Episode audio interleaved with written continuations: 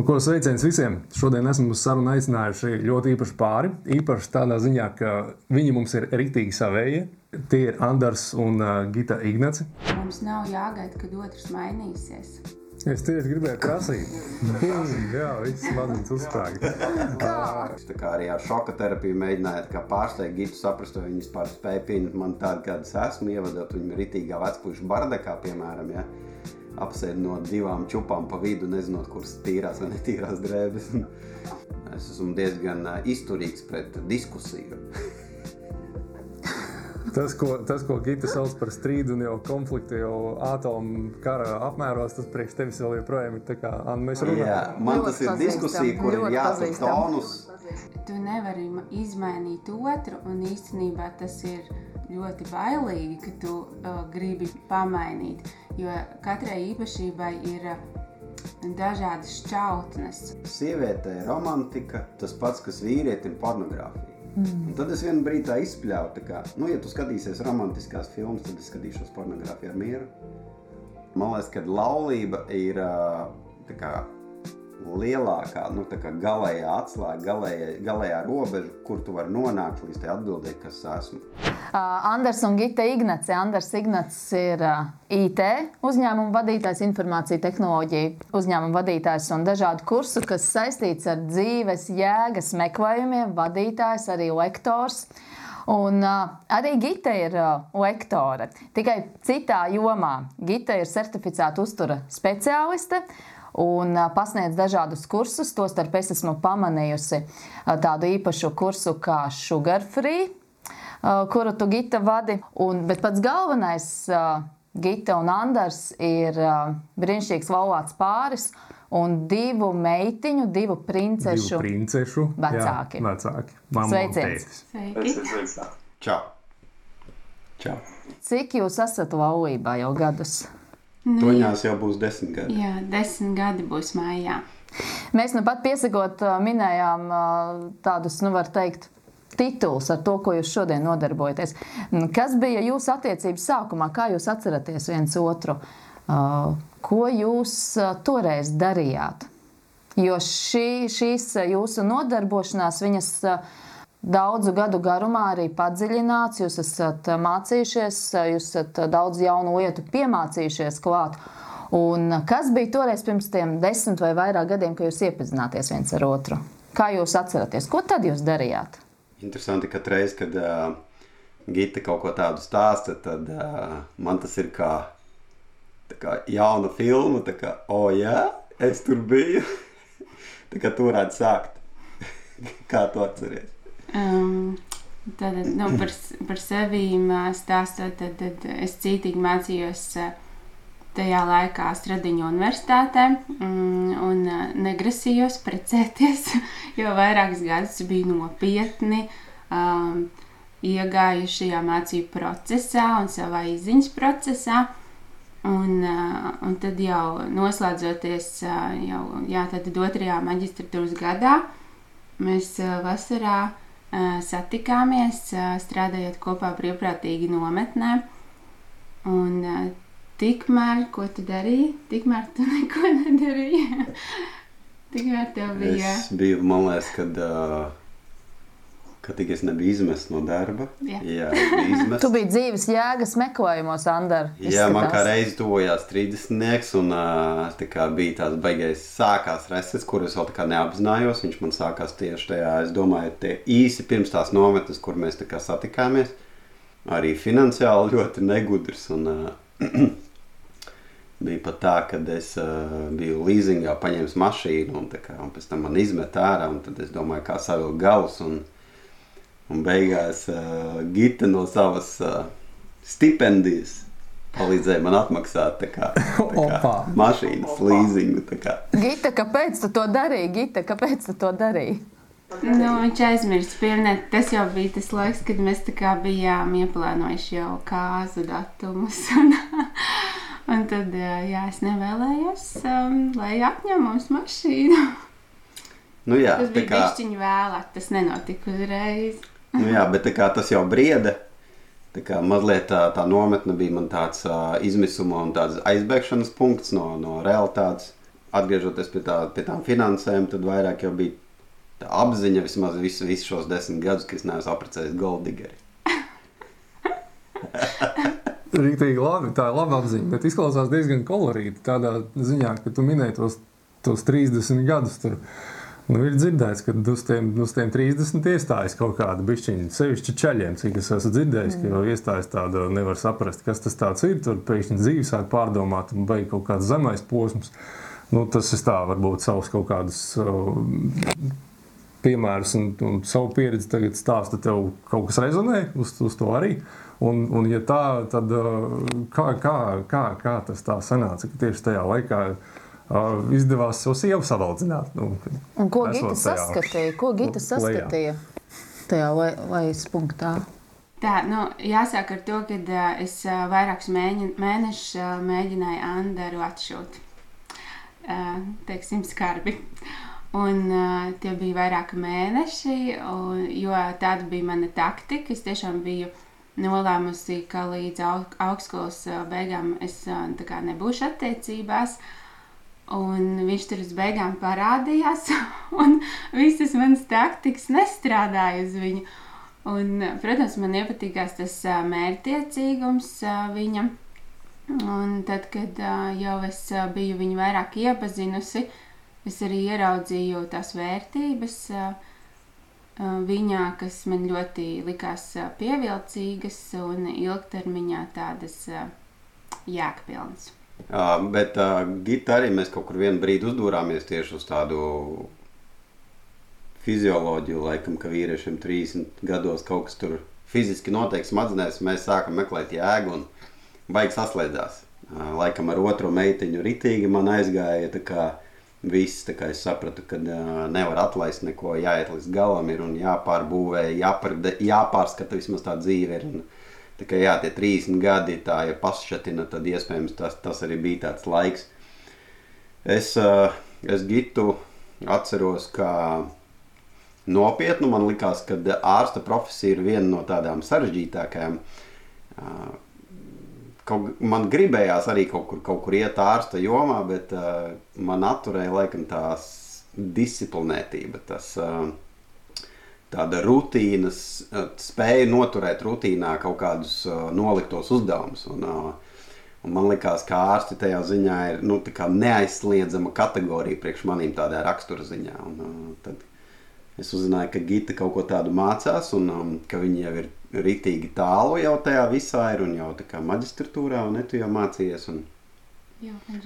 Jā, un tad es sapratu, ka okay, šis ir tāds nopietns, nopietns kandidāts, un kaut gan, zin kā, likās, ka nu, tādi diamanti pa tirgu nemētājas. Zin kā, nu, tā kā, nu, tāds ir jāsavāc vienkārši. Nu, kaut nevar būt, ka tāds mētājās kaut kur, nu, stulbi teikt mētājās, bet Visu laiku bija tā doma, ka nu, nevar būt nu, tāds kandidāts, kā, kad ir brīvs, pieejams, un uh, es vēl varu parunāties, un kā, ir vispār kaut kāda iespēja, vispār kaut kāda kontakta iespēja. Un, kā, it kā šuji mani nost, bet, kā, bet faktu es nezinu, kad, kad viņa ir vai nav brīva. Es, protams, no vienas puses ļoti baidījos to uzzināt, līdz ar to es kā, nemēģināju nevienam vispār to prasīt. Tas bija tāds, tāds mazliet bailīgais jautājums. Likās, pabaudīšu, kamēr es nezinu, un tā kā ar domu, kad moška sanāks un tā. Jā, līdz ar to, kas man pirmkārt jau patika, laikam tāda nopietnība attiecībā pret sevīm, ka es redzēju, ka viņi zina, ko viņi grib. Nu, tāds, tāda noteiktība. Mm, neslēpsim, ka nu, mēs arī to esam ritīgi izrunājuši, ka tās man nav pirmās attiecības. Un, arī kaut kādā ziņā tas noteikti kontrastē. Un, bet arī bija man tāds laiks personīgi, kad man liekas, ļoti bija apnicis viss vis tās, tās randiņu lietas un viss tās, vis tās kantēšanās un taktikas. Un, un viss tas bija ritīgi apriebies. Tas bija īsi pirms tam es vispār biju sev apsolījis, ka viss pietiek, viss vis tā sfēra kategorija kā tāda jāmet pie malas. Un, jātaisa vai nu karjera, vai kaut kas ir jātaisa savādāk. Ir vai jādodas laulības ostā? Kas ir daudz, nu, noteikti daudz nopietnāk nekā vienkārši uz randiņiem doties. Ne, tā jau izklausījās, cik Andris stāstīja. Tad man atnāca, nāca atmiņā tas stāsts par to visdārgāko pērli. Mm. Un kas ir interesanti, ka jūs abi esat arī nu, rīktīgi atšķirīgi pēc tā, ko jūs stāstāt. Nu, Pirmkārt, mēs laikam apzināmies, ka uh, tas atšķirīgums ir ļoti liela privilēģija. Nu, šodien mēs tā apzināmies, jā, šodien mēs tā saprotam. Tad, kad mēs precējāmies, mēs laikam tādās kategorijās, ja godīgi nedomājām. Nē, nu, mēs te arī jau sapratām, ka mēs tādā zināšanu jomā esam nežēlīgi atšķirīgi. Tas, ko, kas ir man liela iztrūkuma, tur piemēram IT vai nezinu, kas vēl tehnika, jā. Viņam tā ir ļoti, viņš tur ir nu, speciālists, viņš tur ir guru. Un uh, atkal tādas lietas kā ēst gatavošana, kur viņš jau joprojām ir. Nu, tādā ziņā to, to atšķirību mēs redzējām, bet uh, te pašā laikā jau tādas, uh, tādas pamatmorāles mums ir, uh, tādi pamati mums ir ļoti līdzīgi, uz ko mēs tiecamies dzīvē.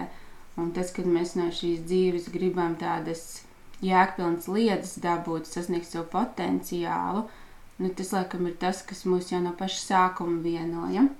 Bet uh, es domāju, ka mēs neslēpsim to, ka šis atšķirīgums arī ir uh, ikdienā izaicinājums. Uh, un tad nu, mēs mēģinām šos desmit gadus kaut kur atrast kompromisu, mācīties uh, viens no otra, uh, meklēt uh, sevi un saprast, uh, kur tad es uh, mainīšos, kur būs tomēr varbūt manas robežas. Uh, Un tas viss ir tāds rītīgs darbs, kuru mēs esam darījuši diezgan nopietni šos gadus. Jā, man liekas, ka tas manā gadījumā es tā šķetinu uz atpakaļ. Laikam man nebija prasība būt līdzīgiem pašā sākumā. Man tas tā kā vispār nesatrauca. Teiksim, būt līdzīgam, meklēt kopīgo. Tā kā, to es tā baigi neatceros. Kaut kas tāds tā man bija svarīgi. Tāds, man tas nebija tik ļoti svarīgi. Bet uh, es atceros, jā, tas, ko Gita tagad arī saka par tām vērtībām. Man liekas, ka, uh, kā, tā, kad tu iepazīsties, tad jau tev nav īsti tā kā, nu, fakti, pēc kā, kā vērtēt vispār. Kā, nu, jo arī nenolieksim, ka cilvēks satiekās pirmo reizi, viņš uzvelk maskas, pietēlo, zina, uz, parāda sevi no labākās puses un tā. Un tas man, protams, viss jau tajā laikā riebās līdz ar to. Kā, Es arī ar šoka terapiju mēģināju pārsteigt Gitu, saprast, vai viņi vispār spēja pieņemt mani tādu, kāda es esmu, ievadot viņu ritīgā vecpuļu bardakā, piemēram. Ja? Apsēd no divām čupām pa vidu, nezinot, kuras tīrās vai netīrās drēbes. bet, bet, jā, bet tādā, tādā ziņā nav jau, nav, jau, nav jau tie fakti. Es arī saprotu, ka uh, es īstenībā sevi līdz galam nespēju tik īsā laikā parādīt, kas es esmu, jo tās situācijas nav.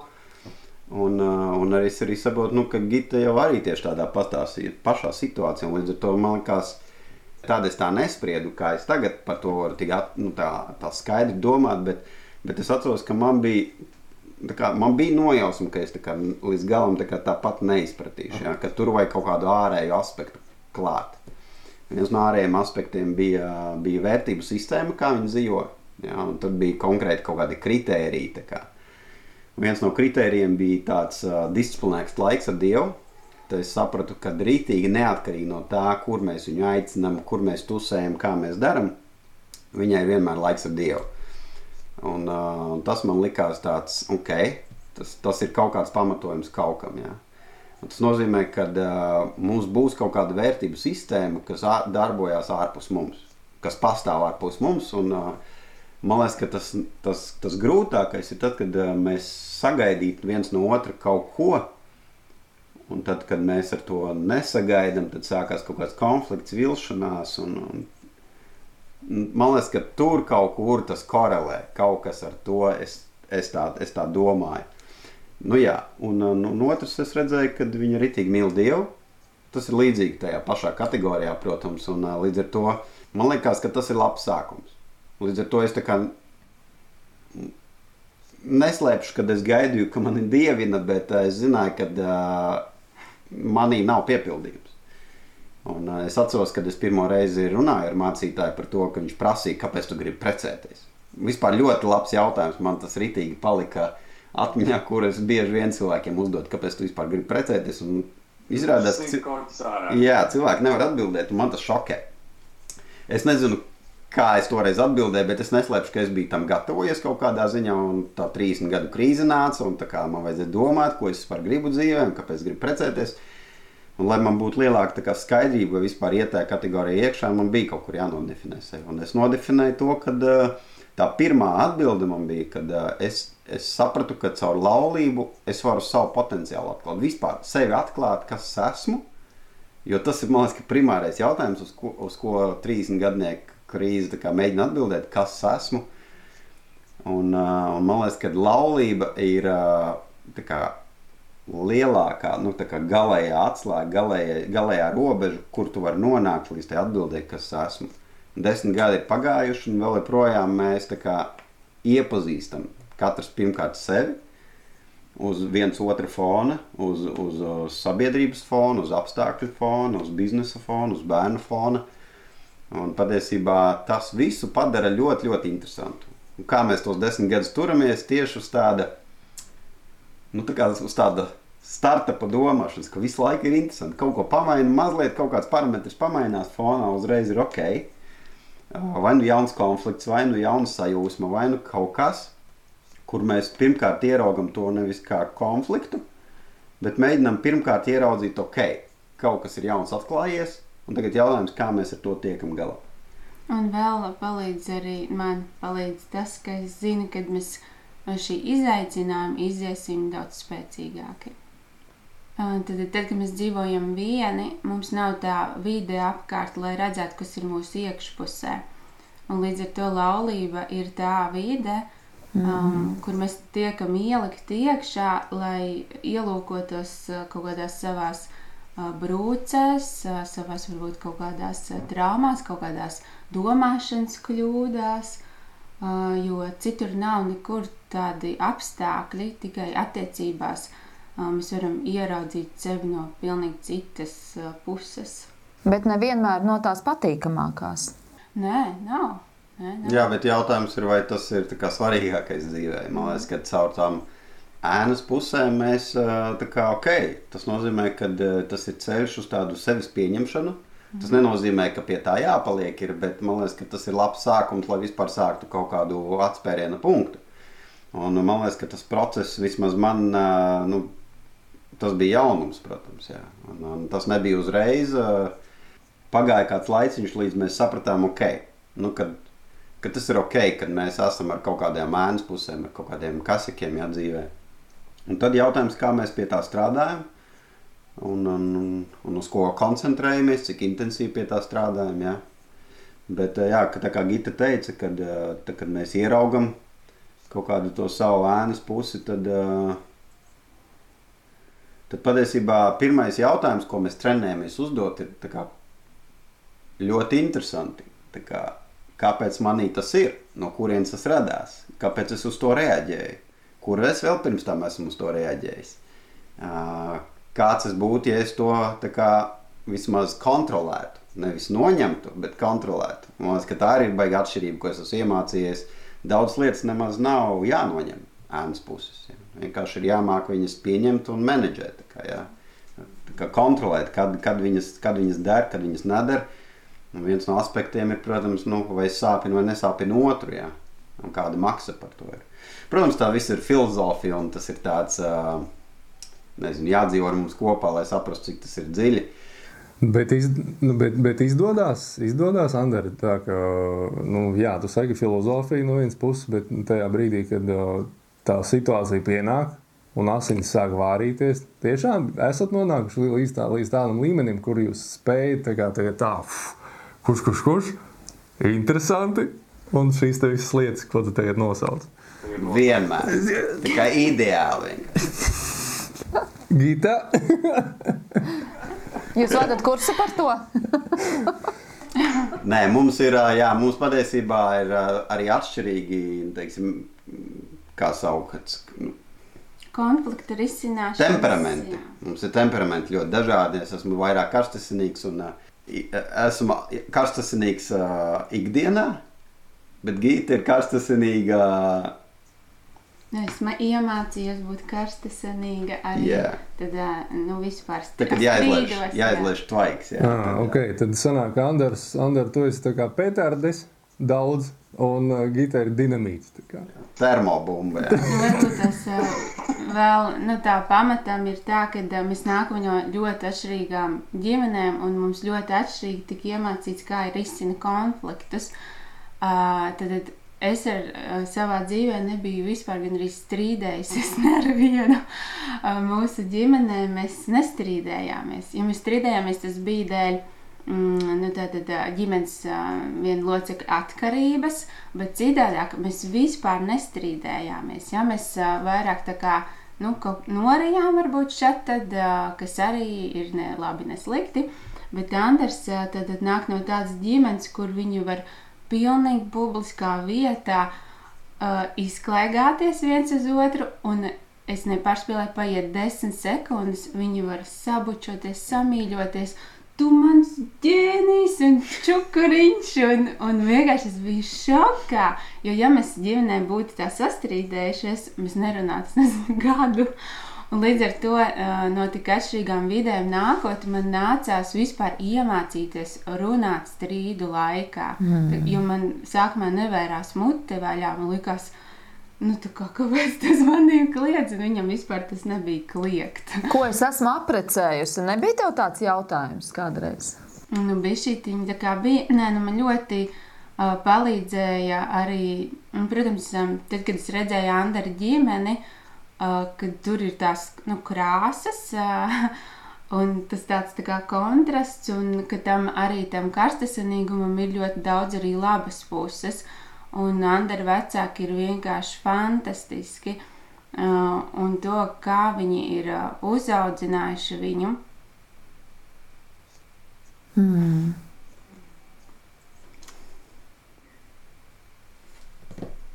Tu to novērtēji kā sieva. Desmit gadus jau. Mm. Bet izklausās, ka tā laulība ir beigās tāds arī instruments, kas pavērt, pavērt to mūsu, mūsu šauros skatu rītīgi plašāk.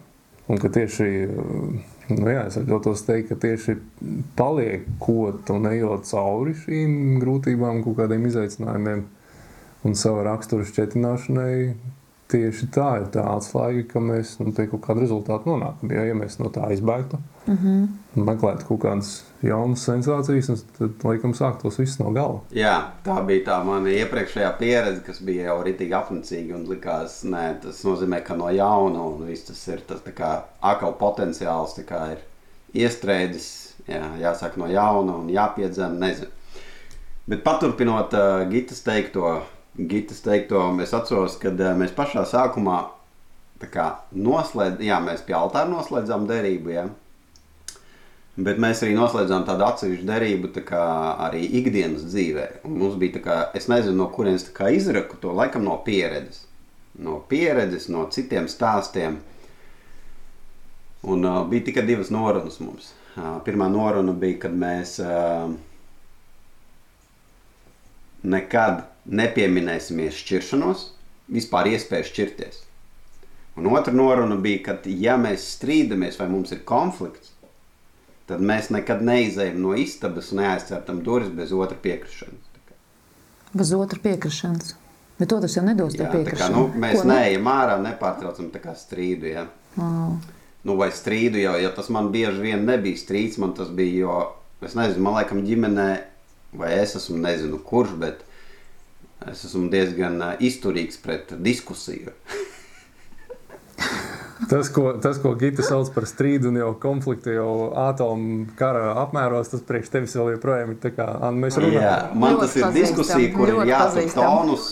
Jā, man ir jātur tonus un, un jātur, jātur tā, kā tā schēma, par ko ir saruna un kādi ir topiki un, un, un tā tālāk. Jā, un, uh, līdz ar to tā bija tā otrā daļa, un tāpēc man likās, ka uh, jā, man svarīgi, ko es ieraudzīju vispār uh, laulībā, kad ir ļoti svarīgi komunicēt. Jā, vienkārši komunicēt. Un klusums, man liekas, ka ir lielākais ienaidnieks. Nevienmēr, jā, bet uh, man liekas, pēc manas pieredzes, ka klusums bieži manā dzīvē ir bijis manipulācija.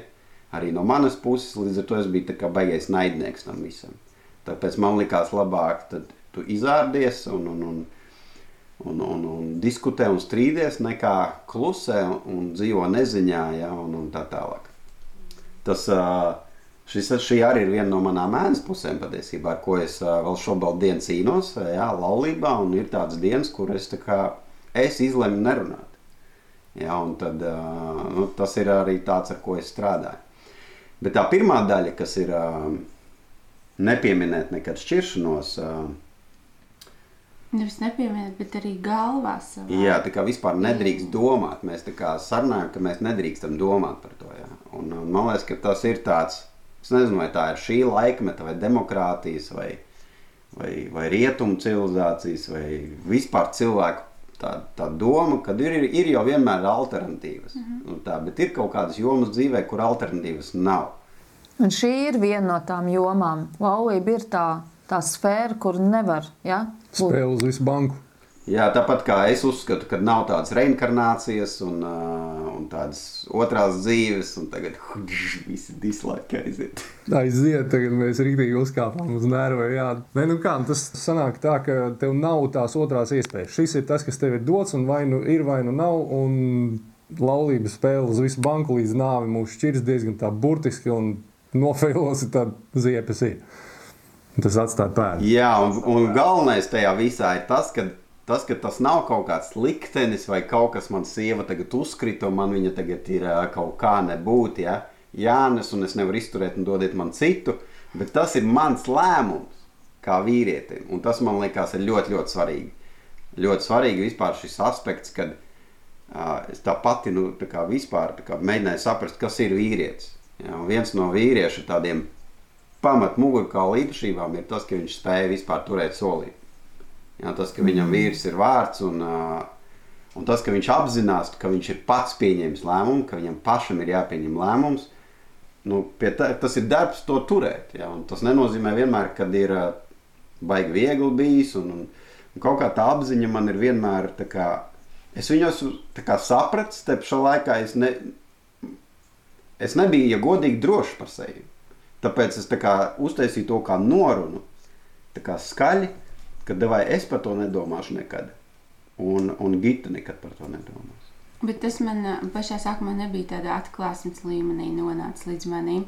Mm, tad, kad parādās kaut kāda sarežģījuma, un arī jāsaka, ka es attiecību jomā ļoti nepieredzējis biju. Jānis ir mans, mans pirmās attiecības. Uh, Un, līdz ar to tad, kaut, kādā, kaut kādos pirmajos gados man tik un tā bija kaut kur atpakaļ, nu, prātā tas backup plāns, ja, kas ir droši vien ļoti daudziem, un teorētiski es taču nu, zināju, nu, protams, ka nevajag šķirties, protams, ka uz visu mūžu, bet tad vienā, um, vienā sarunā Andrs tā, bet kā, kāpēc tev kaut kas tāds ir galvā? Tā, nu, bet kā, nu, ja nu kaut kas notiek, nu, ja, piemēram, es tevi uh, sāku šo krāpt, vai tu, tu negribēsi ar manīm šķirties? Viņš saka, nē, mēs strādāsim pie tā. Es saku, bet, nu, ja nu mēs vairs nepatiksim viens otram pēc 20 gadiem, vai tu, tu negribēsi ar manīm šķirties? Nu, mēs līdz tam neaiziesim, mēs strādāsim pie tā. Un man tā kā, ah, ok, tā kā nav variantu, ok. Un tad, un tad mainās tā enerģija, ko mēs ieguldam šajā laulībā.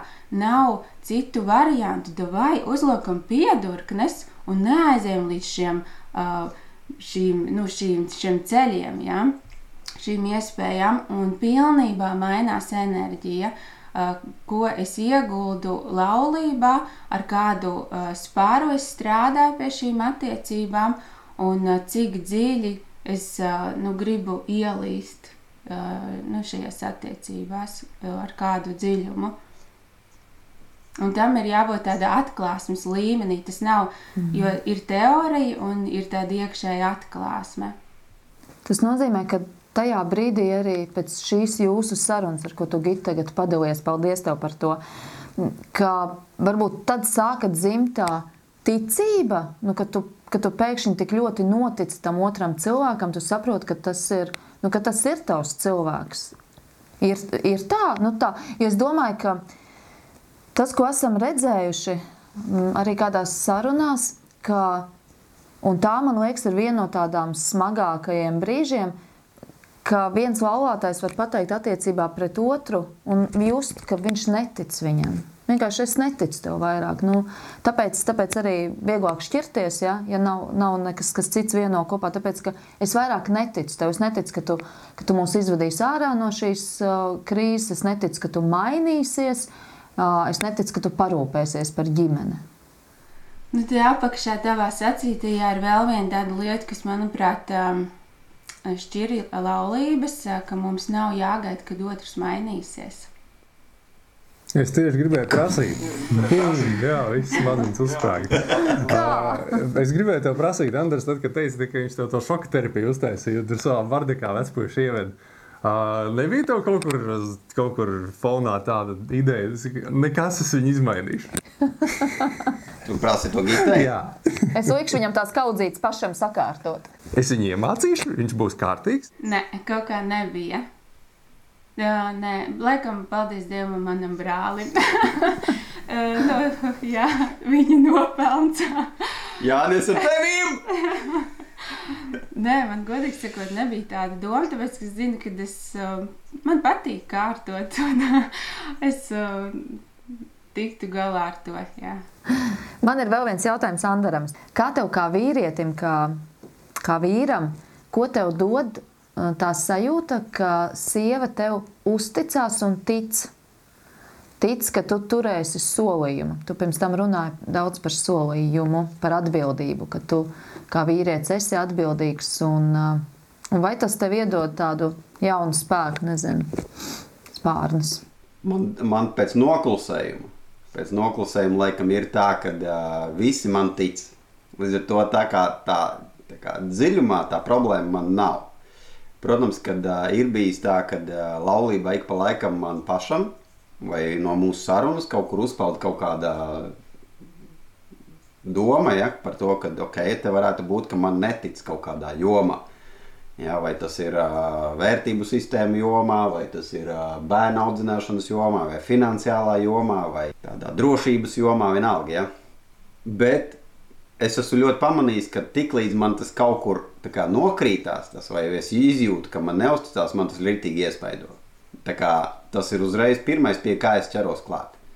Tā kā, un tad nu, kā, risināt, jā, risināt kā, saprast, kur ir problēma. Vai problēma ir vienkārši kaut kāds pārpratums, vai problēma ir kā mēs uztveram lietas, vai vienkārši ir uh, reāli kaut kāds kaseks manī, ko man ir ļoti grūti atzīt, protams. Uh, kad es esmu kaut kur vainīgs, ja, un kaut kur, kaut kur tādā līmenī es esmu izraisījis, ka, mani, ka man netic. Ja. Liekas, nu, kad es jau esmu piedzimis ģēnijs, ja, un es esmu piedzimis kā, veiksminieks, ja, ko es varu izdarīt, un tad es saprotu, ka uh, pienākot kaut kādai reālai situācijai, kur es saprotu, ka nav ne tuvu vidējībai, ja, tad es saprotu, ka ok, kaut kas, kaut kas ir jādara. Bet Bet ar laiku es esmu ritīgi to novērtējis. Es saprotu, ka tā ir ritīga. Es tikai nezinu, kā bez tā vispār var, ja tā godīgi. Uh, jo man liekas, ka vien arī, ja, ja mēs runājam par tiem desmit gadiem, tas man ir vienmēr arī devis tādu spāru un drošību risināt tās lietas. Jo ir bijuši ritīgi tā kā daunā, ir ritīgi bijis tā ritīgi lejā par to, kad ir Nu, mums ir bijuši strīdi, kur mēs ritīgi nevaram izrisināt. Ja, un tad ir ritīgi konflikts uz ilgu laiku. Un, un, un, bet man liekas, ka šis, ko tu stāsti par to, par to ticību, ja, kad tas ritīgi ļauj kā, celties, vēlreiz iesākt, vēlreiz pārunāt, izrisināt, dot iespēju sev otram Es nezinu, vai tas ir man pareizi adresēts jautājums, tāpēc, ka man tas ir pēc noklusējuma. Man tas, es ar to rītīgi nestragloju. Es vispār eju ar cilvēkiem ar domu, ka viņi man tic. Kā, ja. Visi viens otram tic. Tā kā, tā kā laikam to sauc par naivumu šajā sabiedrībā. Laikam, es nezinu, kā to pareizi nosaukt. Bet, augstu pašvērtējumu. Varbūt augstu pašvērtējumu, jā. Bet, uh... Kas viņam ir, un tas ir vecāku nopelns, jā. Un kas ir labi. Un tādiem mums visiem vajadzētu būt. Un uz to jātiec.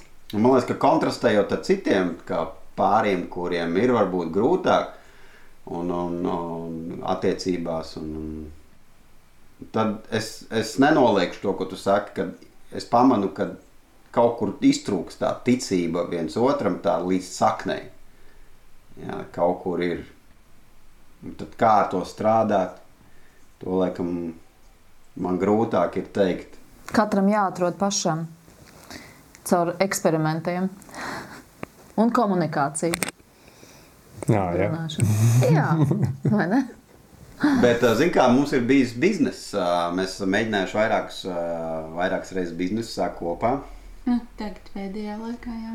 Jā, un uh, es atceros, ka pirmās reizes bija rītīgi, un šis, šis temats par ticību rītīgi, kā rītīgi uzplauka. Ļoti interesanti. Tas bija viens no pirmajiem aspektiem, kurus uh, ieraudzīju, kad nav tā, ka viņa netic man, bet viņa man netic kā konkrētajam speciālistam tajā biznesa vajadzībā. Jā, tur, teiksim, nezinu, kas tur bija. Mārketings vai tur kaut kur. Nē, es beigas mārketinga speciālists, arī mācos vēl joprojām. Ja? Bet tā kā likās, mm, netic. Protams, ka arī nebija baigais pamats, jo nav jau man nekādi tādi super nopelni. Ja?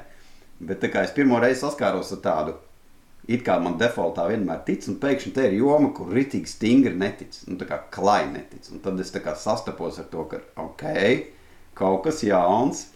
Tā kaut kas norezonēja, nelabi jūtos, ja, un tad sākās kaut kādas dīvainas arī reakcijas, pastarpinātas, ja, kas lec uz āru, vai kaut kāda agresija, vai, neapmierinātību un tāds biju pikts. Ja? Un tad kā, bija laiciņš jāpaiet, līdz kamēr saprotu, ka okay, tas laikam no tā, ka kaut kur man neusticās. Un tad jautājums ir, vai nu tur ir mans kaut kāds lepnums, vai tur ir gitas kaut kāda untums, vai, vai vienkārši viņa nejūtās droši, vai kaut kāds ilgtermiņa skatījums atšķirās un tā tālāk. Bet jā, viss tā lieta ar jauniem biznesiem, man liekas, ka arī jūs citās intervijās kaut kur ir pavīdējis, ka tas ir vispār tāds ļoti interesanta sfēra, kur eksperimentēt. Ja nav ko citu darīt, kopā vai kopā vai kaut kaut kādu darīt. projektu. Tas, ir, tas izklausās pēc baigā challenge. Jā. Jo, nu, bāz, nu, kur ir dzirdēts vispār, ka, godīgi sakot, divi kaut kādi partneri ir veiksmīgi iz, iznesuši kaut kādu uzņēmējdarbību? Tu esi tajā vidē, tu varbūt vari padalīties Ir, vai ne? Tas ir šausmīgs retums. Es, nu, es viņus Ja no rīta jāmostās kopā ar savu partneri. meklētu. Un tad, un tad vēl saproti, jā, nu, ka tas vēl tur ir čoms kaut kur tur, nu, tad vēl tā, tur viņu tur dien, dienā 8-10 stundas pavadu, un tad aizbrauc mājās. Bet šeit, bet šeit tu esi ar to savu tuvo cilvēku, un tad Jā. vēl tu biznesā ar viņiem, kur tu vispār citas intereses pamostās, un tu vispār sevi iepazīsti no jauna. Tas ir uh, jūs esat līmenī. Jā, es arī es uzskatu, es uzskatu ka uh, apprecēties un izveidot uh, veiksmīgu laulību, tas ir kā mm, nu, vidusskolu pabeigt, ja, kas ir varbūt grūti, bet īstenībā tas, ja mēs esam disciplinēti randiņos, uh, ja mums ir atklāts attiecības, tas nav īstenībā nu, tik grūti. Tad nāk bērni, un tā ir augstskola.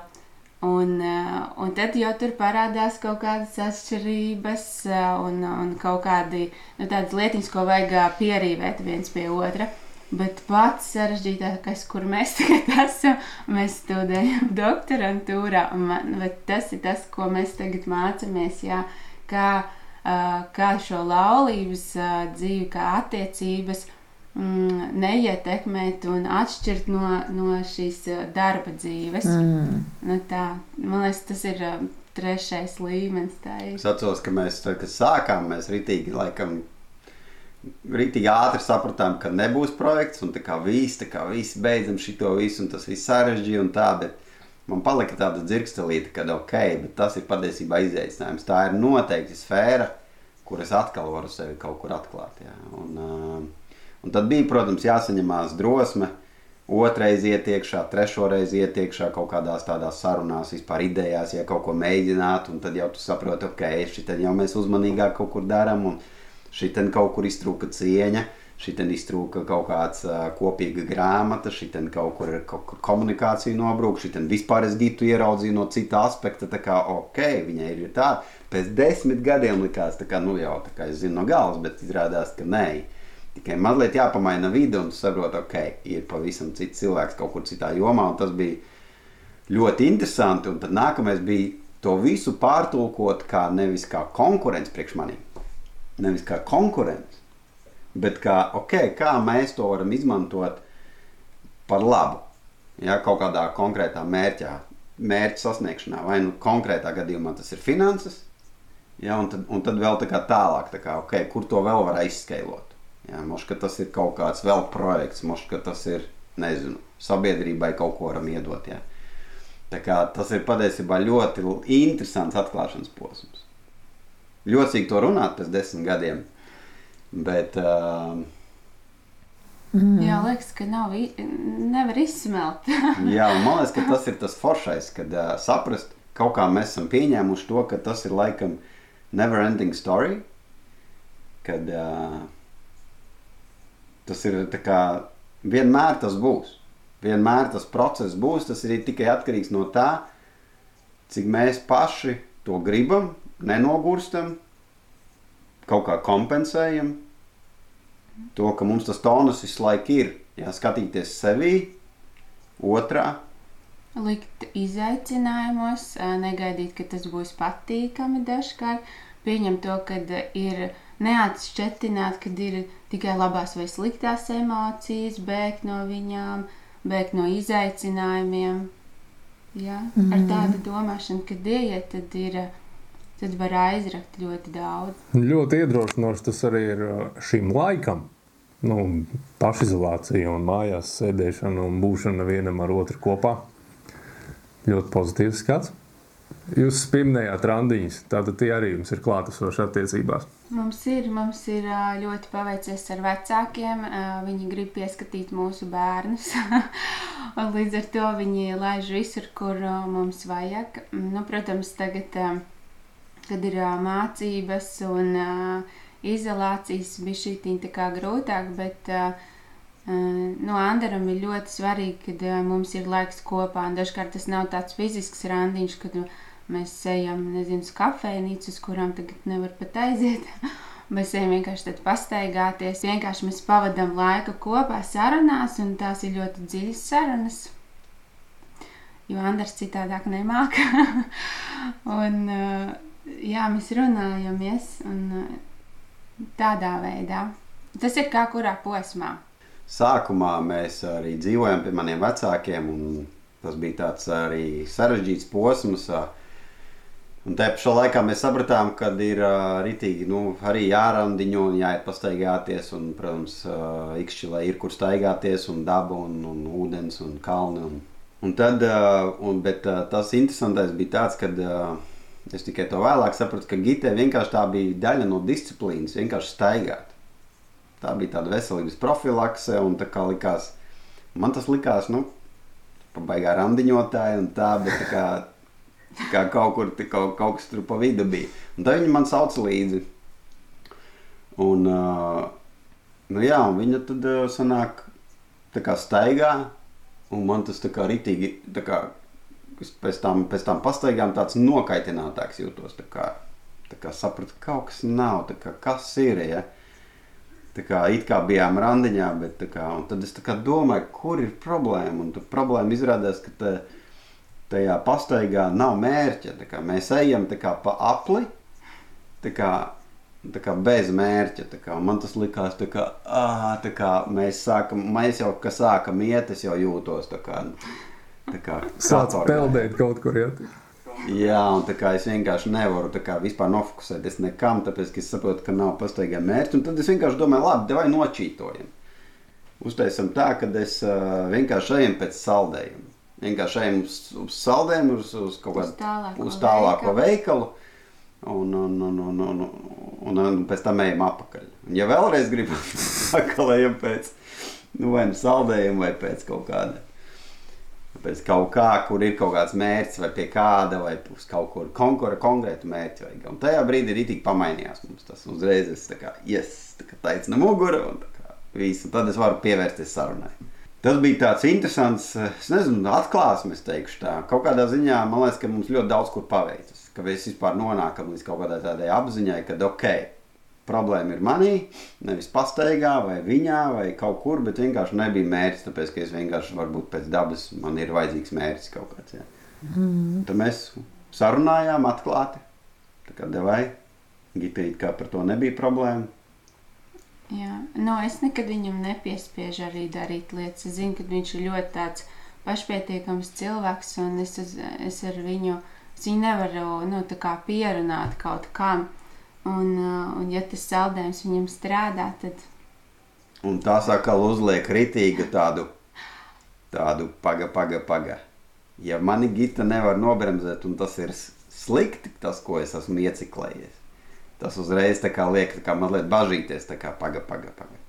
A, Ja nu es pats sevi sabotēju tagad, saprotu, par ko es domāju? Tas ir tāds uh, moments, kas man liekas, kad uh, liek mazliet pašam piesargāties. tā Kā, ko es daru, ko es domāju, ko es gribu. Un tad, kad es kaut ko rītīgi sagribu, ņemot vērā, ka gita mani nevarēs apstādināt, tas man liekas, kā vēl, vēl sevi pašķitināt. Tā, tā, tā, tā, tā. Maz ka labi īpašība. Nu, tā atbildība tā arī vairāk paliek uz tevi beigās. Jā, bet tas man liekas, ka arī ļoti, man liekas, ka tas gitai prasīja ļoti lielu drosmi un apņemšanos kaut ko tādu izdarīt. Nu, tā kā atlaist. Jo es, es esmu, kā, es atceros vienu momentu, kad gita ritīgi atlaida to vaļā. Un tas man likās, es, es atceros ļoti konkrēti to momentu. Un, uh, es domāju, ka tas gitai ritīgi prasīja iekšas uh, kaut ko tādu izdarīt. Un tas ritīgi nu, pavēra man tādu atbildības sajūtu.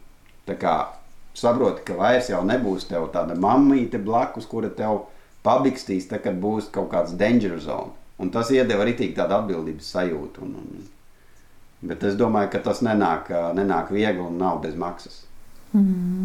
Tā ir arī tāda vēl viena atklāsme, kas man bijusi laulības dzīvē, kad tu nevari ma- izmainīt otru, un īstenībā tas ir um, nu tā, ļoti bailīgi, ka tu uh, gribi pamainīt.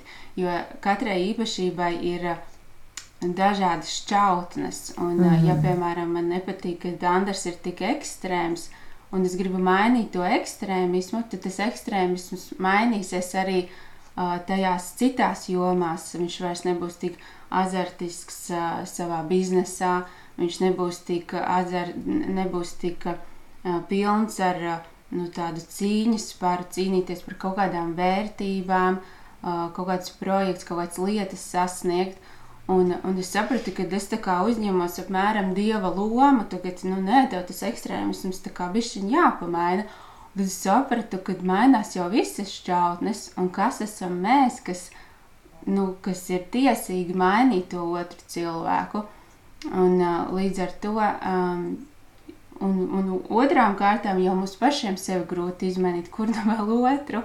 Un tas man ļoti palīdzēja arī dzen, vieglāk dzīvot, vieglāk uztvert šīs lietas un vienkārši nu, ļauties. Un nevis tā, ka ok, mums šeit ir atšķirīga kaut kas, tu mainies, bet ok, a, kāpēc tu tā domā, a, kāpēc tev tā ir? O, interesanti, nu tā kā iedziļināties tajā īpašībā un saprast to, ka īpašībām ir gan labās šķautnes, gan arī sliktās šķautnes. Gita, ja es, ja es pareizi sapratu, Gita, tad, tad pastāv risks, ja mēs kā, nu es runāšu, ka mēs kā sievas, ja, ja mēs kā sievas gribam pat varbūt, varbūt ne ar lielo kaut kādu mērķi, kaut ko ļoti, ļoti izmainīt, bet mums vienkārši kaut kas nu, pa daudz vai nepatīk, vai kaut ko mēs saskatām, ka tas tur mm, sāk traucēt. Bet tad kā mēs mēģinām apslāpēt savā vīrā kaut kādu jomu vai īpašību, tad tas ir risks.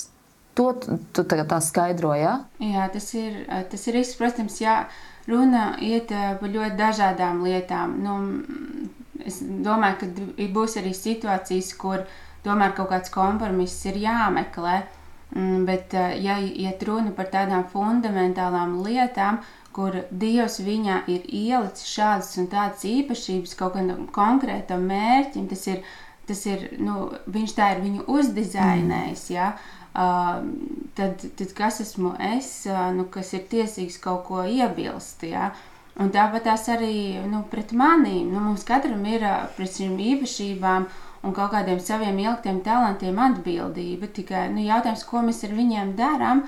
Un, uh, nu, jā, tur ir visdrīzāk jāskatās no dažādiem uh, aspektiem.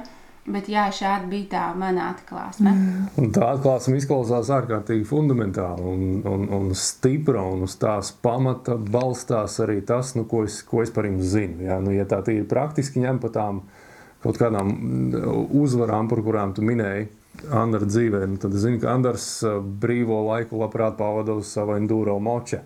Droši vien ir izbraukāti visi iespējamie Latvijas nostūri un meži, un, un, un, un, un tas ir darīts ar lielu baudu, jo tie, tie maršruti, kā, zināmi, kā zināms, kur parasti var ar mašīnu aizbraukt divu stundu laikā, tad tur aiziet 5, un 6 un 7 stundas. Un, un tā tālāk. Un tas laiks varēja būt kopā ar ģimeni. Ja? nē, nē, tas arī. Bet ļaujot attīstīt šīs īpašības un, un neaplaužot viņas pats galvenais, nu, ka mm. Andram ir iespēja iet tādā virzienā, un pēc tam kā vīram, un pēc tam iet arī uh, dzīvē un gūt uzvaras tur. Uh, mm. Organizējot pasākumus. Es zinu, ka tu organizē alfas, uh, alfa kursus, beta kursus un, un kādus tik vēl ne kursus, finanšu kursus. Un, un šī ir tā tava joma, tālāk biznesa arī. Un šīs, šī sfēra ir vēl viena, ja, kurā nu, arī ir nepieciešama tomēr spēcīga pašapziņa un, un, un sapratne ka mājās tur viss ir kārtībā, laulībā viss ir kārtībā. Un lai gūtu arī tālāk šīs uzvaras. Mm -hmm. Jā, par to mocu runājot, tā arī bija. Kad, uh, es atceru, tā bija viena no tām reizēm, kad es gribēju braukt ar mocu kaut kur. Un, uh, un tad bija tāds uh, no gidas puses tāds lauciens, mazliet, kad, ok, atkal tu brauc ar mocu. Tur tā jūtu tādu tādu netiešu spiedienu, ja, kad nu, varēja jau mājās pabūt, un mēs arī gribam ar tevi būt, un es ar to moci tikko nesenos nopirks un gribās ar viņu izrādīties. Ja, un... Tur sāk uz moci skatīties, kā uz mīļāko. Nē, priekšmetiem es nedodu vārdus, nē, tas nav mans.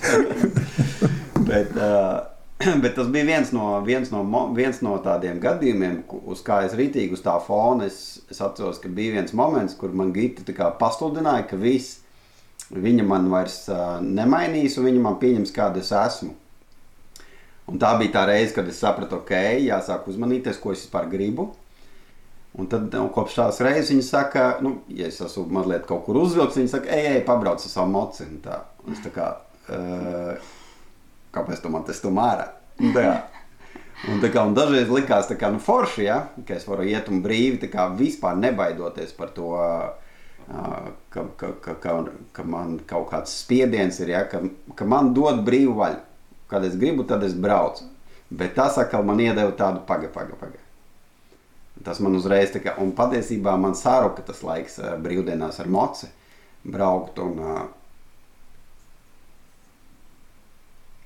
plānoju vairāk laiku apzināti ar ģimeni, kaut kur pie rādiem aizbraukt. Tas rītīgi tā nospēlēja. Tā kā, varbūt es pieļauju, ka tā bija taktika, bet man liekas, ka es pārbaudīju to taktiku un tiešām es gāju un braucu, un cik gribu un kur gribu. Un, un nebija nekāda kā, izsprieduma. Es redzēju, ka viņa to, ko izlēma, tas nav tāds uh, seriāls. Ja? Tas ir pa īstam. Tas man lika tā rītīgi pārdomāt, kā, ko es daru, kam es veltu laiku. Tas, kā, Jā, bet tas ir liekas, par iepriekšējo tēmu vienkārši jau konkretizējot, kā es to ritīgi izjūtu. Un... Gitas pamudinājums Andaram lika uh, kā, nodomāt, hmm, interesanti, kas notiek. Vai ne? Jā, bet tas man liekas, ka iet kopā ar to, ko tu, Viktorija, teici, kad uh, Viņa beidzot mani pieņem, kāds esmu. Nu, nevis beidzot, bet vismaz es tādu dzirdu tos, mm -hmm. tos uh, apstiprinājumu vārdus, ja, kas man, man izrādījās bija svarīgi. Ja, tas ritīgi pamainīja mūsu tādu perspektīvu, ka okay, viņam pieņem, kādus esmu. Ja, un, uh, es esmu gribēts, kāds esmu. Un tas ir tikai manās interesēs to visu spodrināt. Kā? Un tu esi sadzirdēts tāds, kāds tu esi. Mm -hmm. Jā, tā man liekas, ir kaut kāda sieviešu tāda viedā gudrība, kas ir, man ir vienkārši paveicies. Es nezinu, kā to savādāk nosaukt. Mm, jautājums tagad būs Gita tev. Uh, Gita, tu sanāk uh, pēc savas nodarbošanās un profesionalitātes esi uh, ļoti tuvu un, uh, un precīzi, es gribu teikt, tam priekšstatam uh, pavardu turētāja, jo tu esi uzturu speciālists, tu esi tas cilvēks, kas es pieļauju domu, kontroli, ja, paņēmusi un vadību pār, tādā pozitīvā nozīmē kontroli, vadību pār to, um, kas ir uz galda un kas ir leduskapī. Um, gribu, lai tu mazliet pastāst par to, kā, kā jūs saskatāt, kā jums tas palīdz ģimenei tavas zināšanas, un cik ātri tu uh, saprati, kas Andaram garšo? Nu, man atkal savukārt ir paveicies ar Andaru šajā jomā, jo viņš nekad uh, nav manu sēdiens, pat arī cik viņi zaļi izskatītos vai veselīgi, uh, nu, atteicis lietot.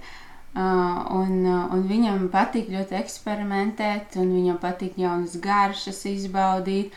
Viņš tāds uh, arī sava veida gurmāns ir. Tā sauc tos. Gardēdis. Pirmo reizi dzirdu. Gardēdis, jā, viņš tāds sava veida gardēdis ir. Un, un līdz ar to, jā, tad, tad teiksim atklāti, es esmu vienīgais cilvēks, kas mājā gatavo.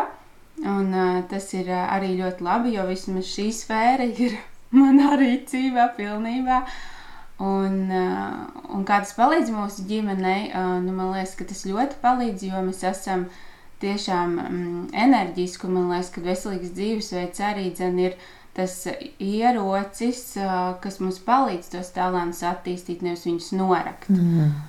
Jo slimi būdami, mēs noteikti negribētu šīs visas daudzās lietas darīt, un mums nebūtu tik daudz enerģijas. Un līdz ar to veselīgs dzīvesveids, jā, tas ir arī mūsu ģimenē, tādās veselīgās robežās. Es viņam nekad neesmu arī uzspiedusi veselīgu dzīvesveidu. Es viņam esmu ļāvusi iet pakaļ tiem saldējumiem un arī um, tikties ar draugiem un uh, nezinu, kaut vai aiziet uz McDonald's, to jūs darat ik pa laikam, un es to nesmu kā, aizliegusi, jo katram tam veselīgam dzīvesveidam arī tur ir sava veida atklāsme, un tam ir jābūt arī tādam individuālam ceļam. Un, jā, tas tikai un vienīgi ir mums palīdzējis. Es tieši gribēju prasīt Andram, kā ir, kā ir sadzīvot ar sievu uzturu speciālistu. Tomēr tu nevari paprasīt ar savu mīļāko asins steiku, vai es nezinu, vienalga, kas tur varētu būt. Tāds kaut kas dūls nenāk prātā. Nu, bet, bet varbūt tas nav tas labākais konkrēti priekš tevis, bet tev gribās. Sākumā tas bija rītīgi aktuāli, ja, tāpēc, kad man bija cita ēdienu karte, jo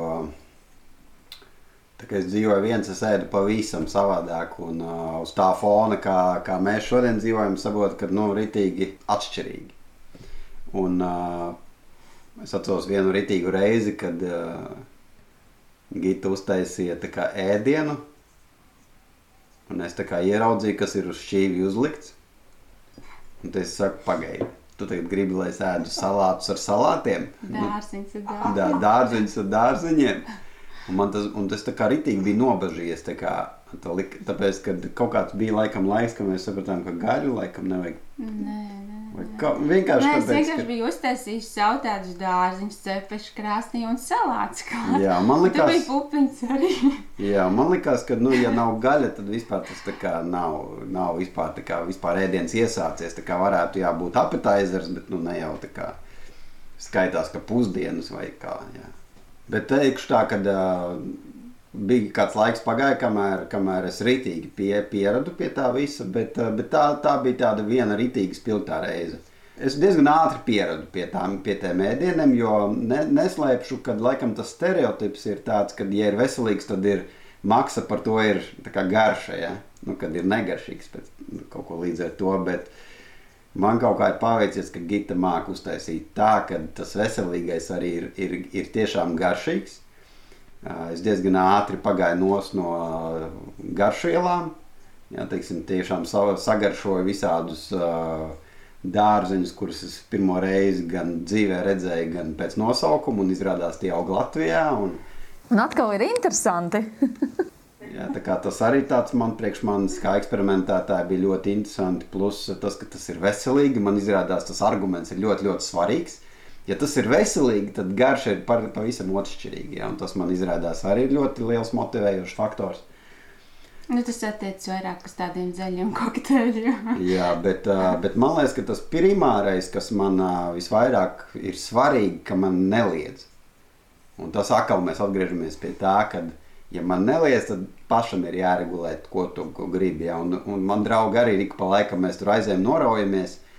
Un viņi vienmēr, bet, ah, ja Gita kaut ko uzzinās, es saku, man Gita tā kā Viņa man neliedz, ja to arī bildēt un sūtīt viņai. Ja. Visiem tas stereotips ir tāds, ka man ir dzīve, jā, tā kā es esmu cietumā, man ir aizliegts. Un, un es arī redzu, ka Gita arī, kad konsultē cilvēkus, viņa tas ir viens no pirmajiem likumiem, ka nav aizlieguma, ja, kad, kad vai mainamies mm. bez aizliegšanas. Atzīšos, ka es esmu bijis viens no tiem uh, provocētājiem. Es arī apstiprinu Gitas, uh, Gitas virtuvi. Ir labi ir jautājums, ko mēs esam uzdevuši savā sarunās iepriekš, attiecībās, kā, kā tur ir ar tiem tauriņiem. Ka sākumā viņi ir, viņi ir spilgti, viņi lido, tad kādam viņi noplūko, kāds ir iemācījies viņus visu laiku atgriezt. Nu, mēs pat tam iemīlēšanās tauriņiem. Kā jūs savā desmit gadu laulībā um, esat sastapuši, viņi lido pēc desmit gadiem arī kaut kur virs grieztiem? Ir? Uh, man lido. man ik pa laikam palido. Es, eh, man tas liekas arī dīvaini, kāpēc ir tāds stereotips, ka tie ir tikai sākumā. Un es, vis, nu, es domāju, ka tas ir varbūt tas kaut kāds rūkums, kad viņš tā kā mm, sarodas un, un, un tad paliek tas rūkums un kaut kāda nepiedošana ar vien lielāka, tāds kaut kāds neizrunāts lietas ar vien vairāk, un tad viņi varbūt pazūd. Uh, bet principā tad, tad uh, ir, protams, uh, tas process, kad mēs izējām kaut kādām lietām cauri, kur mēs analizējam, bet tad, kad mēs esam izgājuši cauri, nu, mūsu attiecības ir. Tad es, nu, es nekad mūžā ne, nebūtu iedomājies, ka var būt tik dziļas attiecības. Un, un tad, kad viņas ir nu, šajā dziļajā līmenī, uh, Uh, un šajā atklātības līmenī, tad uh, man liekas, ka tur ik pa laikam bez tiem tauriņiem arī neiztiks. Un, protams, mēs esam ļoti nu, daudz ieguldījuši tajā, lai, lai viņi tur ik pa laikam arī parādās. Jo jā, mēs neesam tāds varbūt tās um, universālais pāris un tāds uh, stereotipiskais pāris, uh, Uh, lai nu, mūsu varbūt tā romantika mums izpaužas pavisam citādāk ikdienā. Jo Andrs man puķis nedāvina, un, uh, un dāvans uh, nu, reti. Un, un tad es arī kaut kādos pirmos gados biju sarūktināta par to. Un tad man arī vienu dienu domājot par to, es tā kā, ko es te vispār čīkstu, nu, tas ir kā salīdzināt laivu ar kuģi. Nu, man reāli laulība ir tas kuģis, un es čīkstu, kāpēc tu man laiviņu neiedod? Un, bet mm. man ir tas kuģis, man laulība ir laimīga, viņa ir dziļa, viņa ir jēgpilna, viņa ir krāsaina. Un, un es sev puķis pat varu nopirkt, un, un tās visas lietas. Un, bet tas taču ir romantiski. Bet man tas neliekas romantiski. Man ir ļoti mainījušies šie no nu, stereotipi. Kāpēc? Ļoti. Kas vainas romantikai? Nu, viņa arī ir šāda, bet ne jau ar puķiem. Nu, ar, man ar puķiem tā romantika kaut kā Es pat tev sadarināšanās gredzenu neuzdāvināju. Viņš man pat sadarināšanās gredzenu neuzdāvināja. Laulības gredzens vismaz ir? Ir. tas nav liekais. Jā, tēriņš. man liekas, ka tas ir tāds arī viena atšķirīga lieta mūsu, mūsu laulībā, kad tas atklātība un, un, un runājot par tādu romantiku, tā kā man tas vienmēr licies tāds kaut kur saknē vienmēr likās negodīgi. Kā, kāpēc romantika ir vienmēr tik ļoti pieņemama sievietēm? Tāda tāds caur zobu sāpēm vīriešiem. Kur ir problēma? Kā problēma ir kaut kādā traumā vai kaut kādā, un es tā mēģināju godīgi uz sevi paskatīties, kur ir problēma. Arī tad, kad sākumā mūsu, tā, mūsu laulībā es tā īsti nenonācu līdz tādai atbildēji, kā, kur ir problēma. Bet vienīgais, kas man bija skaidrs, ka es negribu tēlot. Ja man tā kā nesaistīja tādas lietas, tad es nemēģināju kā, izveidot kaut kādu feiku kaut kādu savu tādu tēlu par to, kas es esmu un kāds es esmu. Un tāpēc kaut kur, kaut kādā ziņā mēs saskārāmies ar to, randiņi tas ir romantiski, un, un kad ir jāiet uz randiņiem, ka ir jādāvina puķes, un ir tur gradzeni un dārglietas, un, un tur kaut kādi romantiskie vakari un romantiskās filmas ir, un kaut kur mēs nonācām līdz kaut kādam Ne, kaut kāds mēs skatījāmies romantiskas filmas kopā, un tad es redzēju, ka Gita ļoti patīk. Un tad šajā laikā ar bojevikus mēs tā kā baigi neskatījāmies. Tad Gita miega ciet, un tā kā es domāju, ok. Un tad es domāju, kas tur ir ar to romantiku. Un, uh, un tad man kaut kur, kaut kāda, nezinu, izspruka tāda viena frāze. Sievietē romantika ir tas pats, kas vīrietim pornogrāfija. Mm. Un tad es vienā brīdī izspļāvu, ka, nu, ja tu skatīsies romantiskās filmas, tad es skatīšos pornogrāfiju ar mieru. Bija liels acis, un tas pats bija pārsteigts. Baigā atklāsme atnāca. Bet, uh, bet tad es tā pašķicināju, ka, jā, ka kaut kur ir korelācija tajā visā, kad, um, kad romantiskajās filmās ir nu, nevienmēr, bet nu, tās, ko es esmu redzējis un ko es esmu jā, zinājis, tur ir viss ap to, ka nu, ir kaut kāds. Uh, ka viss tas ir kutelīgs sievietes kā, emocijām un viņas būtībai. Ja, un tas ir ļoti pie, pieņemami un kā, ļoti tuvu ideālam, iespējams, ja, ja tā var noformulēt.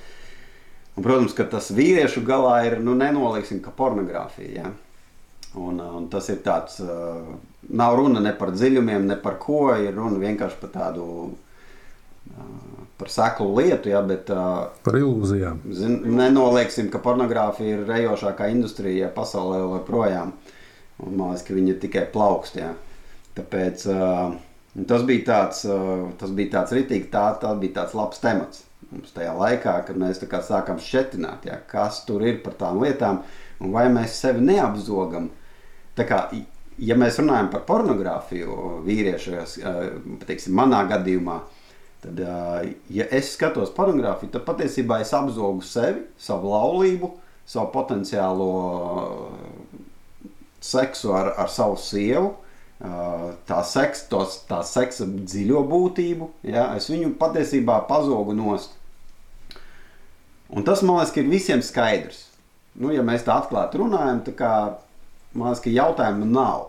Bet, ja mēs runājam tieši tādā pašā kontekstā par, par romantiku, tad kaut kā pēkšņi tas tur ir kaut kāda lielāka aizsardzība, un uzreiz ir kaut kāda reakcija, un tā kā nē, un, kā, un, un kaut kur neviļus ir salīdzināšana, kaut kā tas tiek tā legalizēts. Un man liekas, tas man kaut kā ierozonēja, ka tas kaut kur nav godīgi. Nav godīgi, nav godīgi. Jā, jā vismaz tad vai noformulējam vienādi. Jā, Kā, protams, es neesmu gatavs kompromisēt ar, ar, ar pornogrāfiju. Es esmu gatavs kompromisēt ar to, ka Gita kaut ko skatās. Bet šā laikā man ir svarīgi, ka mēs nodefinējam, kā, tas ir vienā levelī vai nē. Tas nozīmē, ja Gita skatās romantiskas filmas, vai ne, nesanāk tā, ka viņa apzog mūsu laulību. Ar to, ka viņai ir kaut kādas fake expectācijas par to, kāda varētu būt realitāte mūsu mm. randiņos, mūsu attiecībās, mūsu ikdienā, mūsu bērnu dzīvē, mūsu karjerā un tā tālāk. Ja. Kaut kur, kaut kur mēs pieņemam lēmumu, kad mēs paiesim no tā. Jā, ja tā vienā vārdā mm, varētu nodefinēt, tad mm, pēc desmit gadiem mums šie tauriņi rodas nevis tādi stimulētie tauriņi no kaut kādām filmām, no kaut kādām expectācijām, bet uh, tauriņi veidos mūsos no dziļuma, mm. no šīm dziļajām attiecībām. Wow. Nē, nē, šis ir rīktīgi labs temats, tā, tā, tā, tā pornogrāfija un romantika. Noteikti tagad arī tā būs vēl viena lieta, kur tagad ir. Un, un, un, un mēs esam atļaujušies arī padalīties kādos semināros par šo tēmu. Te vienmēr bija atsaucis uz to, ka Nē, nē, viss bija labi, bet nu, par to romantiku pielīdzināt pornogrāfijai. Tas tā kā vispār uzreiz tā kā visiem paliek bišķiņ nērti. Jā, tas ir labs, tas ir labs moments. Visi, kas tagad skatās un kam ierozināja, ir vērts paskatīties sevi. Kāpēc ierozināja? Ar ko neesat apmierināti? Ar ko neesat apmierināti? Man liekas, ka tas ir labs materiāls, pie kā sākt. Vismaz tas bija mans ceļš. Kā, kāpēc? Jā. Es arī pētīju, tad, kad šo tēmu, kad es arī kaut ko līdzīgu izdzirdēju. Uh, izrādās, Google analītiķi bija uztaisījuši pētījumu tieši lai, lai saprastu, kas ir. Nu, vīrietim, kā teica, ir skaidrs, tā ir pornogrāfija. Uh, un tur arī viss tie izrietošie faktori, tur viss ir straightforward, diezgan, diezgan pašsaprotami. Uh, un tad Google analītiķi, tie uh, augstie cipari cilvēki, izdomāja, ka viņiem vajag saprast, kas sievietēm ir. Un tad nonāca, meklē, jā. Jā, tad viņi nonāca tieši pie šī paša secinājuma, ka tā ir tieši romantika, romantiskā literatūra, filmas vienalga. Uh, ar, ar, ar vienu šo te uh, sižeta daudz maz līniju, kur, uh, kur, kur kāds vīrietis vienā vai otrā veidā veiksmīgs vai vai, vai mežonīgs, ka viņš tur savaldās sievietes dēļ, vai ka viņš atsakās no visas savas sievietes dēļ un ir visu nolikt, gatavs nolikt uz altāra. Un, un viss šis romantiskais stāsts. Un tur bija interesanti arī uh, tie pie, top 5 personāži. Tā tad uh, bija um, miljardieris. Uh, līdz tam tiksim, jā, bija ķirurgs. Uh, Tad bija vampīrs. Tāpēc, ka daudz naudas, vai ne? Jā, nu, miljardieris skaidrs, tev piķis ir. Uh, ķirurgs, acīm redzot, tādēļ, ka nu, tur, tur mēs runājam par jau 50 gadus arī vecu literatūru, romantiskajām grāmatām. Proti, ka tajā laikā tā ir status, tas ir status. Uh, tālāk, uh, tā, tā, tā, tā, tā tūlīt pirāts. Mm.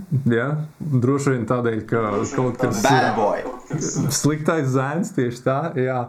Un tad bija vampīrs un vilkacis. Mm. nu, bet īstenībā tas man liekas, ka ved uz kaut kurien. Uh, man liekas, ka tas ved visu pēdējās divas ved uz seksa jomu ritīgi, ja godīgi seksualitāti un uh, pat ne seksu. Bet seksualitāte man liekas, tas mazliet atklāja to, ka nu, nekur tālu no pornogrāfijas tas nav. Tas tikai mazliet izsmalcināts. Es nezinu, vai es tā drīkst izteikties, norakst monētiski. Bet, uh... Ja, rakstiet komentāros, ko jūs par to visu domājat, kas jūsos norizonē, kas, kas, kas nē. Uh, bet, nu, godīgi sakot, sakrīt jau arī tie visi vilkači un, vampīri. Taču mums bija viens periods, kad bija ļoti, ļoti populāra krēsla filma.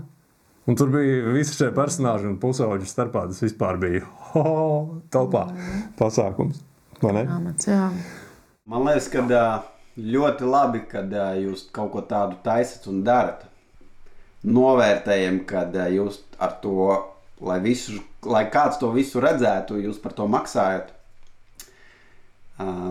Jūs pašai cauri kaut kādām lietām, jums ir bērni pilns un, un, un, un māc, mācās no attālināta. Tā kā, ja tā pašķetina, tas nav vienkārši jums hobijs. Un, ņemot vērā, kas notiek Latvijā ar laulību, ar vērtību sistēmu, ar dzimstību, ar bērnu mantojamību, ja, kas ar viņiem pēc tam būs, kādi viņi būs. Un, par valsti kopumā, par identitāti, gan valstisko, gan personīgo. Jā, man liekas, ka tas viss kaut kur sakņojās tajā laulības kvalitātē. Un tas, ko jūs darat, laulība līdz mūža, līdz mūža beigām, forši, ka tu ieliki to jautājumu zīmi tādā ziņā, provocējot, nenobeidzot to tematu, ja, ka tas ir, tā ir vērts, par to ir vērts patstāvīgi domāt.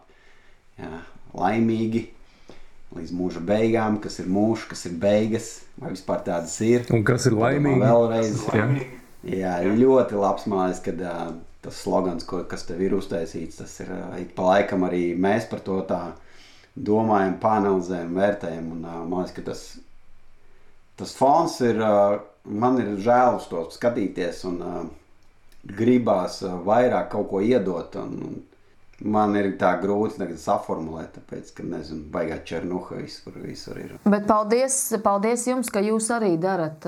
Jūs darat katrs savā šajā arī profesionālitātes līmenī, un paldies, ka jūs. Nu, es vienmēr uz jums esmu skatījusies kā uz tādiem nu, ceļa rādītājiem kādiem citiem, kas, ir, kas kaut ko meklē, kas uzdod jautājumus. Un Andara, tu vadot savas tēmas, un Gita savas tēmas, tas, ir, tas arī ir milzīgs, milzīgs tāds darbs. Un tas jau arī patiesībā ir tas ieguldījums mums tas sarunā. Mm, izskanēja tāds tā doma par to, ko tu, nu, ko tu sabiedrībai vari dot. Un, un, un patiesībā tad, kad mēs labi, profesionāli un ar pilnu atdevi darām uh, to lietu, kurā mēs varam būt vislabākie, tad tas ir tāds milzīgs iegūms uh, mūsu sabiedrībai. Vēl no sevis es gribu pateikt to, ka jā, Andra, Černuha ir. Un paldies par taviem vārdiem. Es arī pievienojos visam teiktajam, ka jūsu darbs un ieguldījums, jūsu laulība pati par sevi ir, ir, ir, ir milzīgs pienesums laulības institūtam, es atļaušos teikt, Latvijā un, un visur, kur, kur jūs esat zināmi. Un vēl no tāda personīgāka. Uh, Andra, tu, esi, tu zini, ka tu esi tas cilvēks, un arī jūsu laulība uh, ir, ir, ir tas faktors, kas ir noturējis arī mūsu attiecības kopā. Vairāk video par solis līdz sānsolim. Mm. Viens no personāžiem, par ko es runāju tajā video, par ko mēs runājam, kas, kas mums palīdzēja, tas ir Andars. Un, un viņa pieredze, un viņa vadība un viņa atsaukšanās tam manam tā brīža palīgā saucienam. Tā kā Andra, Gita, ziniet, jūs esat minimums izglābuši vienu pāri Latvijā noteikti, un paldies jums arī milzīgs. Novēlam, gudīgi sakot, novēlam ikvienam tādus draugus kā jūs. Mm -hmm. Un uh, paldies jums, ka jūs esat. Lai mums un jums, un ikvienam, kas skatās, laulība laimīga līdz mūža galam, izsaukuma zīme.